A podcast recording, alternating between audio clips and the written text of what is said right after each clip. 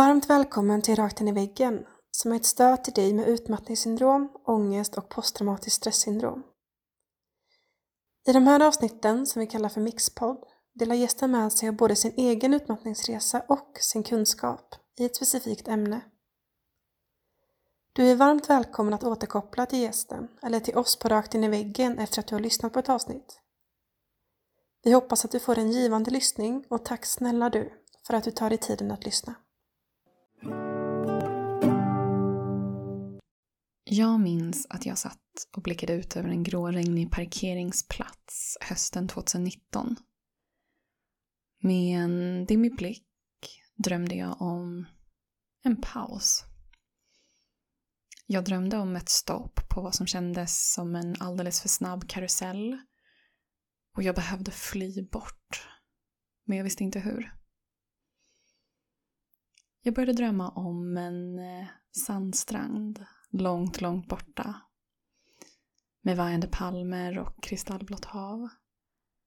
Jag hade nämligen haft en kollega några år tidigare som hoppade av ekorrhjulet och drog till Mexiko.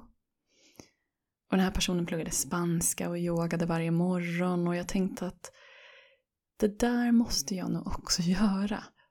Jag måste få en paus. Det jag inte visste då var att den här pausen skulle komma mycket snabbare än jag trodde. Och absolut inte som några månader i Mexiko på en sandstrand med vajande palmer. Mitt namn är Sandra Gerter. Jag är 31 år gammal. Och strax efter att jag drömde om de där vajande palmerna i Mexiko så blev jag diagnostiserad med utmattningssyndrom. Jag vaknade med ett ryck en lördag morgon. Jag kunde inte andas. Med ett tryck över bröstet så kravlade jag mig upp ur sängen. Och det kändes som att hela min kropp skulle både explodera och implodera samtidigt. Jag visste inte vad jag skulle göra så jag sprang in i badrummet och satte mig på golvet i duschen. Jag släckte alla lampor, jag stängde dörren och jag lät en mjuk och varm stråle av vatten rinna ner över min kropp.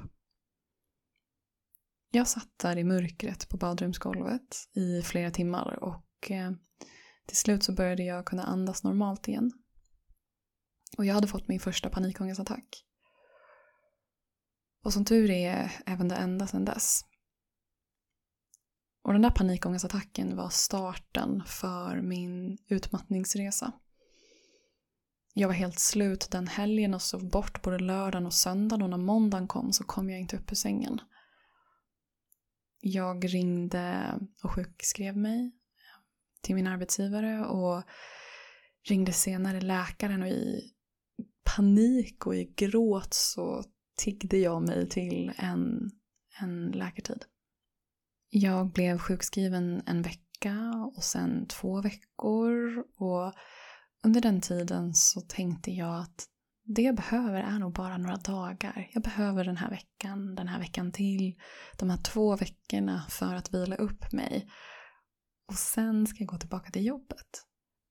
Jag hade nämligen precis blivit befordrad och jag hade fått den här rollen som jag hade drömt om hela livet. Jag var chef och jag hade personalansvar och budgetansvar och jag levde vad jag trodde var min dröm.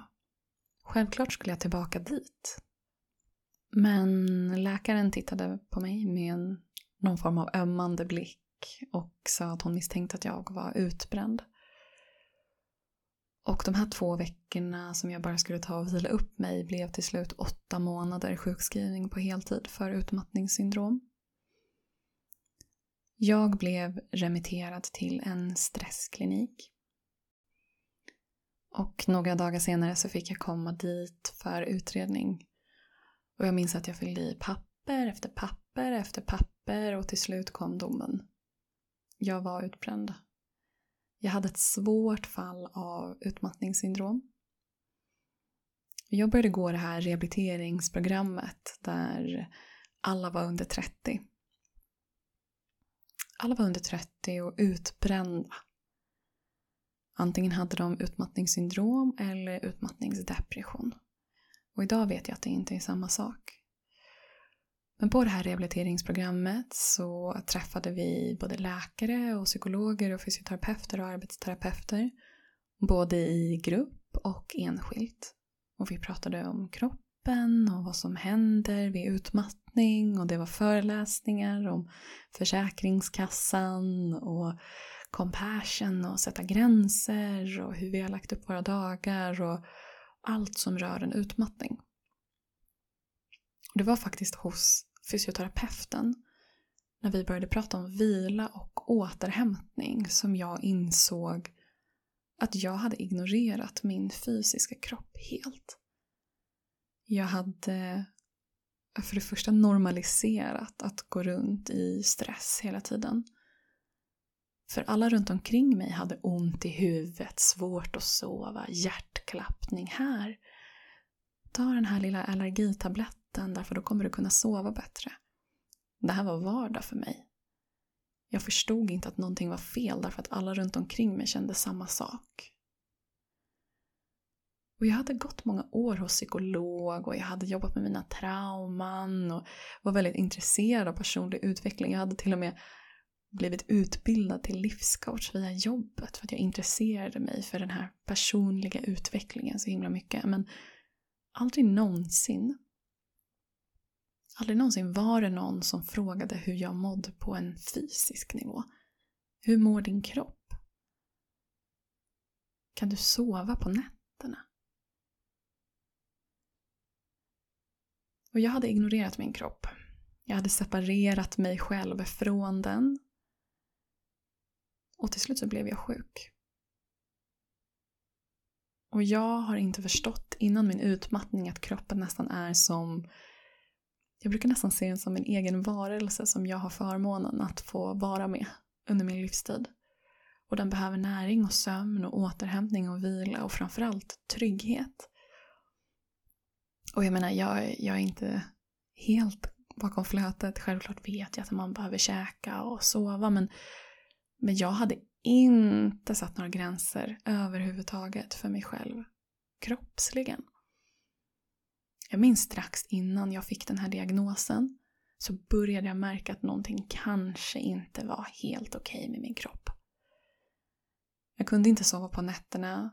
Jag hade tinnitus som jag vaknade av och jag hade hjärtklappning. Men jag hade också hört att man skulle träna högintensiv träning tre dagar i veckan. För det var ju bra för en. Så att jag gjorde det. Men sen så behövde jag ju också gå minst 10 000 steg om dagen. Så då la jag på det också. Och samtidigt jobbade jag 10-15 timmar om dagen. Och sen eh, fanns det inte så himla mycket mer tid. Till att bara vara och vila. Och jag har ju förstått så här i efterhand att det är väldigt vanligt för folk som går in i väggen och de allra flesta är ju sådana som har många bollar i luften och är väldigt ambitiösa och hjälper alla andra hela tiden men aldrig stannar upp och tänker vad en själv behöver. Vad är viktigt för mig och vad är roligt för mig och behöver jag vila just nu? Är jag värd det? Det var i alla fall hos fysioterapeuten och i relation till min kropp som jag fick min största aha-upplevelse under rehabiliteringsprogrammet. Och den här aha-upplevelsen blev någon form av katalysator som skulle leda mig in på en mycket, mycket spännande väg. För under sjukskrivningen och efter den här aha-upplevelsen där jag insåg att sättet jag hade levt på inte funkade längre så började jag testa massa olika saker för att hämta mig. Framförallt kroppsligt men även emotionellt och kanske spirituellt också. Och jag testade kallduschar och jag gjorde andningsövningar och jag gick på massage och jag mediterade och det här var precis när corona hade satt igång och jag hade ingen partner och inga barn och jag kunde dedikera all min tid till återhämtning.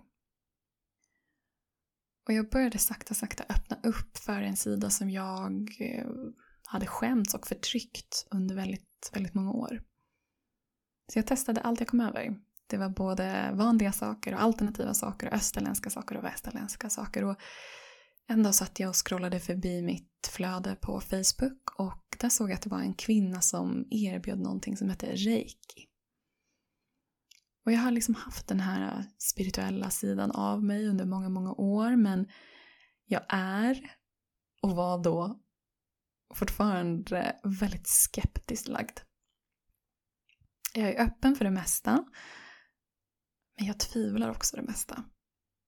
Hur som jag, jag bokade en tid hos den här kvinnan som erbjöd sig reiki för jag tänkte att det var värt att testa för jag ville, jag ville ju bli frisk. Det var det som var min största prioritet, att bli helt återställd. Vi bokade in en tid och hon skulle utföra den här behandlingen, reiki-behandlingen, på distans. Hon skulle alltså skicka någon form av energi till mig när jag låg hemma i min säng. Hon var flera tusentals mil bort. Och bara det kan ju få den mest eh, sane människan att eh, lyfta på ögonbrynen. Men i alla fall, jag låg hemma i min säng och hon satte igång. Hon skickade den här reiki-energin till mig och väldigt skeptisk så märkte jag att det var saker som började hända med min kropp. För det första så såg jag färger som dansade över mitt huvud i olika nyanser. Och sen så kändes det som att det var nästan som en varm fläkt som rörde sig fram och tillbaka över kroppen. Nästan som att trycket runt mig ändrades. Och det var i det trycket, i någon form av vakuum, som jag började slappna av. Jag kände hur muskel efter muskel blev mjukare och jag blev så avslappnad och grundad som jag inte hade varit sedan jag var liten. Det var som att hela min kropp hade längtat efter att släppa taget och när den här personen utförde reiki på mig så kände jag mig lugn för första gången på mycket, mycket länge. Och när vi var klara så vaknade jag till och tänkte vad har jag varit med om egentligen? Och det fascinerade mig. Jag ville ju bli frisk till högsta pris så att jag började göra min egen efterforskning på vad reiki var och och eh, till slut så hittade jag en person som också lärde ut reiki. Jag bestämde mig för att boka in en, en kurs och lära mig mer om det för att jag ville bli frisk såklart igen och Helt för min egen läkning. Om det fanns någonting som fick mig lugn och avslappnad då var det värt att kunna det för mig. Och har du aldrig hört talas om reiki innan så kan jag berätta att det är en japansk energiterapi. Ibland kallas det också energimedicin eller biofältsterapi. Eller kanske har du hört om det vid namn healing. Ibland kallar folk det också healing.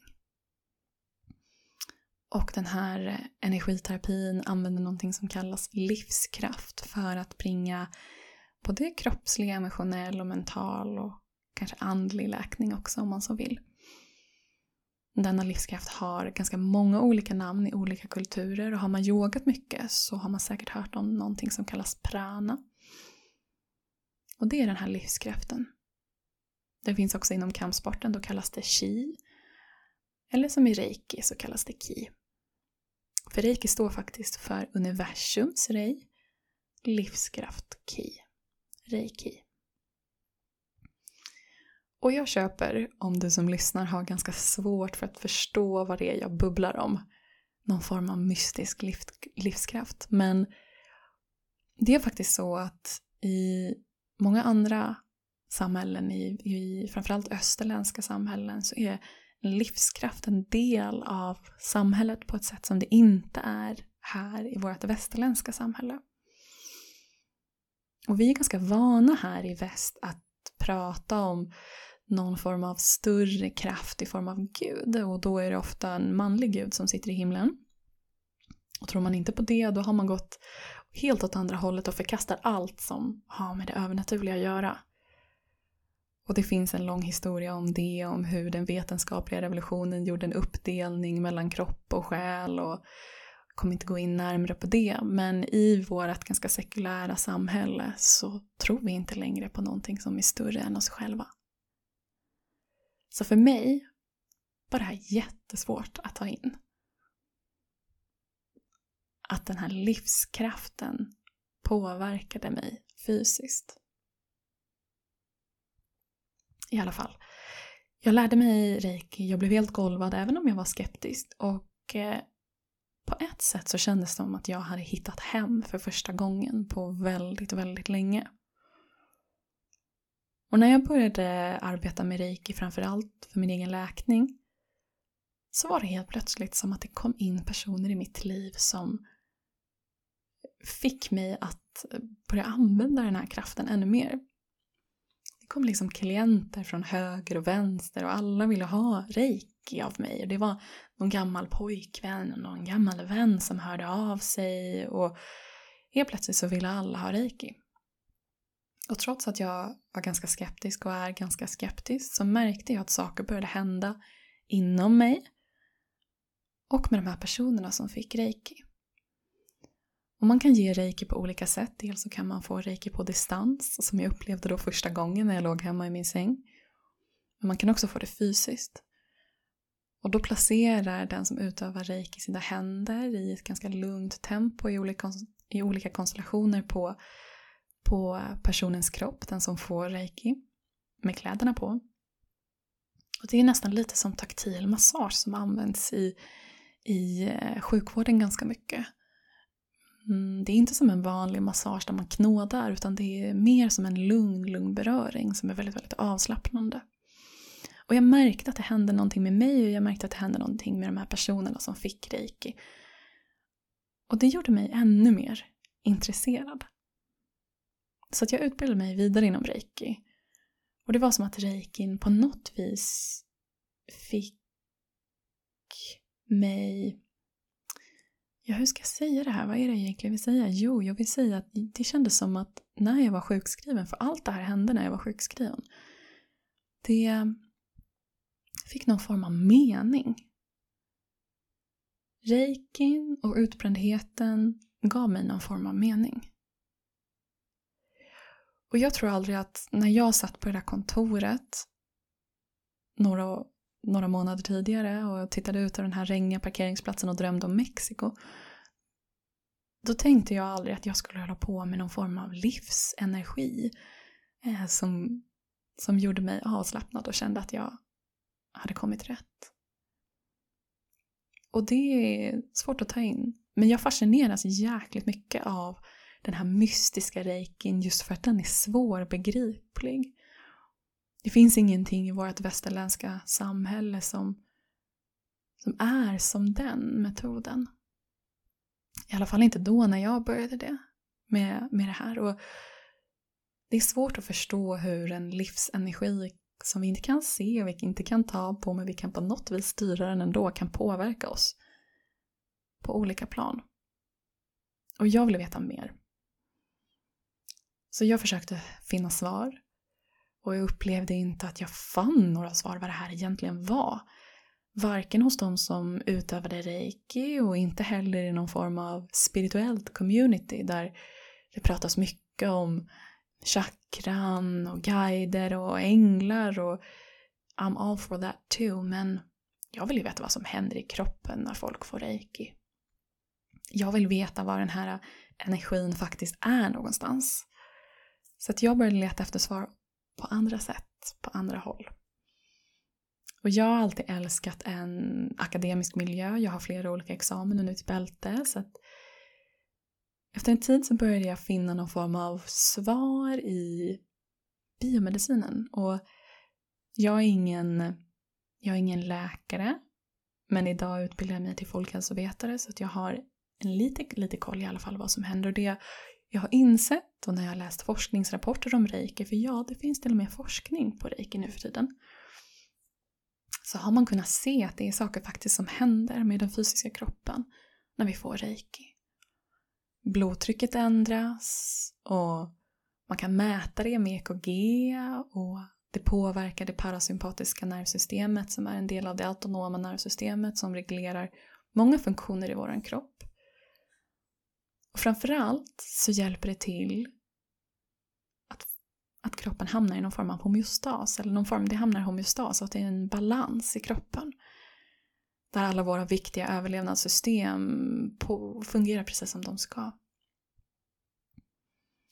Och det är den parasympatiska delen av vårt nervsystem som i folkmun kallas rest and digest, motsatsen till det. Den sympatiska delen kallas fight and flight och det har många hört talas om. Och just när man är utbränd så är det som att kroppens del, den delen av nervsystemet står och slår, den är överkänslig, den är mm, um, lätt triggad. Men när man får reiki så hjälper det kroppen alltså att komma in i sin parasympatiska del av nervsystemet, gå ner i djup vila och det är också där vi läker, återhämtar oss. Och det började bli ganska fascinerande när jag insåg det. Och det började, jag började få svar på varför jag kände mig så djupt grundad och avslappnad när jag fick reiki för första gången. Rent kroppsligt kunde jag förstå de här sakerna nu när det började dyka upp lite mer forskning på reiki. Men det finns ju fortfarande väldigt mycket med reikin som jag inte förstår. Men som jag ändå vill veta mer av. Så jag började vända mig till andra delar av forskningsvärlden inom fysiken och kvantfysiken och det började hända saker där också. Framförallt så började det hända ganska roliga saker inom kvantfysiken. Och igen, jag är ingen vetenskapsperson på det viset att jag är utbildad fysiker eller kvantfysiker. Men det jag har lyckats läsa mig fram i alla fall och som också årets nobelpristagare faktiskt vann sitt pris för är att det finns någonting som heter teorin om non-locality, the theory of non-locality. Där de har kunnat se att, all en, att det man förut trodde var separerat ifrån varandra. Alltså att jag är jag och du är du och att bordet är bordet. Det vi har kunnat se är att vi på mikroskopisk nivå faktiskt hänger samman. Att på ett energimässigt plan är vi alla ett. Och Det var när jag började förstå att det finns saker inom den västerländska vetenskapen som börjar styrka mycket av det, den österländska filosofin som framförallt fanns inom reiki. Som jag mer och mer började acceptera.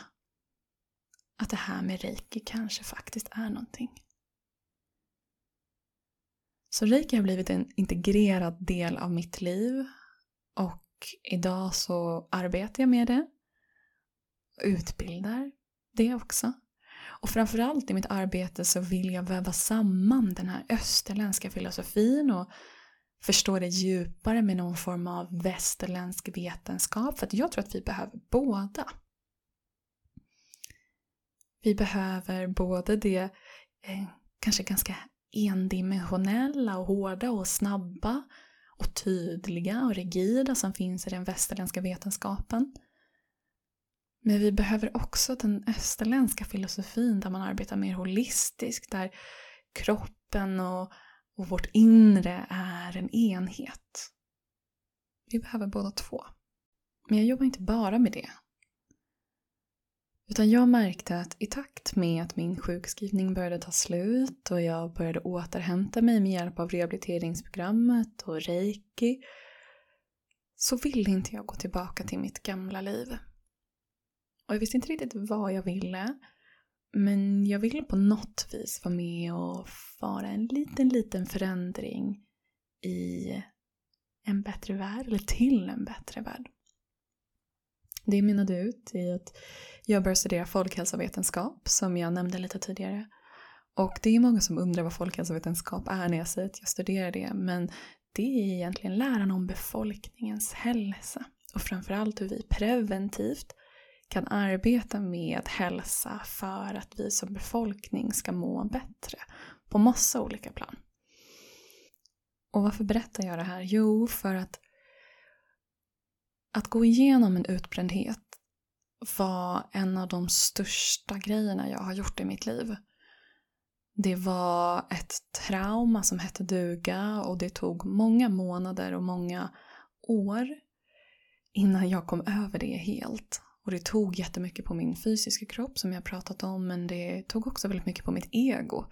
Att vara en person som har gått in i väggen.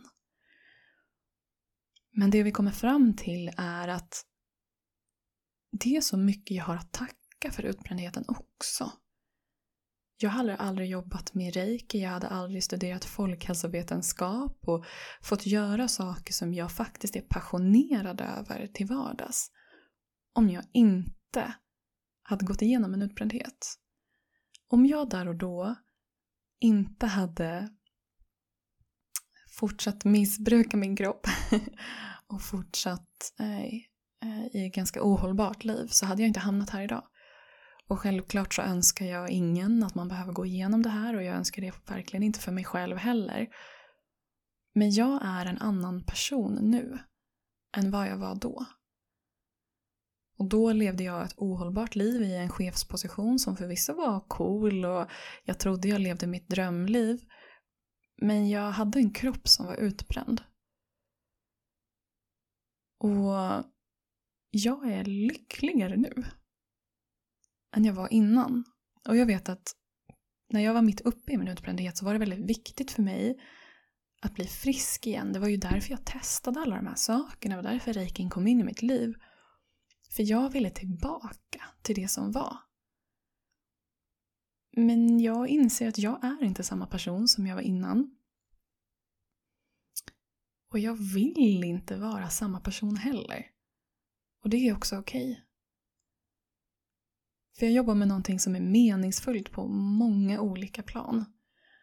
Och jag behöver inte gå tillbaka till ett liv och bli så pass frisk och leva i det här ohållbara livet längre därför att jag vill ju vara med om att skapa någonting som är nytt. Någonting där vi alla kan må bra och inte behöver gå in i väggen. Så jag är inte så orolig för det här med att bli frisk igen för jag har fortfarande dagar så här, nästan fyra år senare där jag fortfarande är hjärntrött och behöver vila och det är givetvis absolut inte på samma nivå som det har varit tidigare. Men jag har fortfarande delar av mig som inte är som förut. Men igen, för mig är det okej okay, för jag är lyckligare nu. Jag hade aldrig kunnat drömma om det den där hösten 2019 när jag satt och blickade ut över den där regniga parkeringsplatsen och det enda jag drömde om var Mexiko en paus. Men det blev så. Och ja, jag skulle kunna sitta och prata om det här i all evighet om reiki, folkhälsovetenskap och om att känna inåt och känna utåt och att gå in i väggen men jag tänker att jag ska börja avrunda mitt avsnitt nu. Tack för att du har lyssnat på Rakt in i väggen. Och tack för att du har lyssnat på mig i nästan 30 minuter och bubbla om mitt eget liv och om reike och att Jag tycker att det är fascinerande. är du sugen på att veta mer om den här mystiska reikin så kan du antingen höra av dig till mig på Instagram. Du hittar mig under namnet sandragartner.se. Kanske vill du veta mer eller boka en session eller kanske vill du gå på någon av mina föreläsningar eller mina kurser. Om så hoppas jag att vi hörs. Och ni andra, ta hand om er.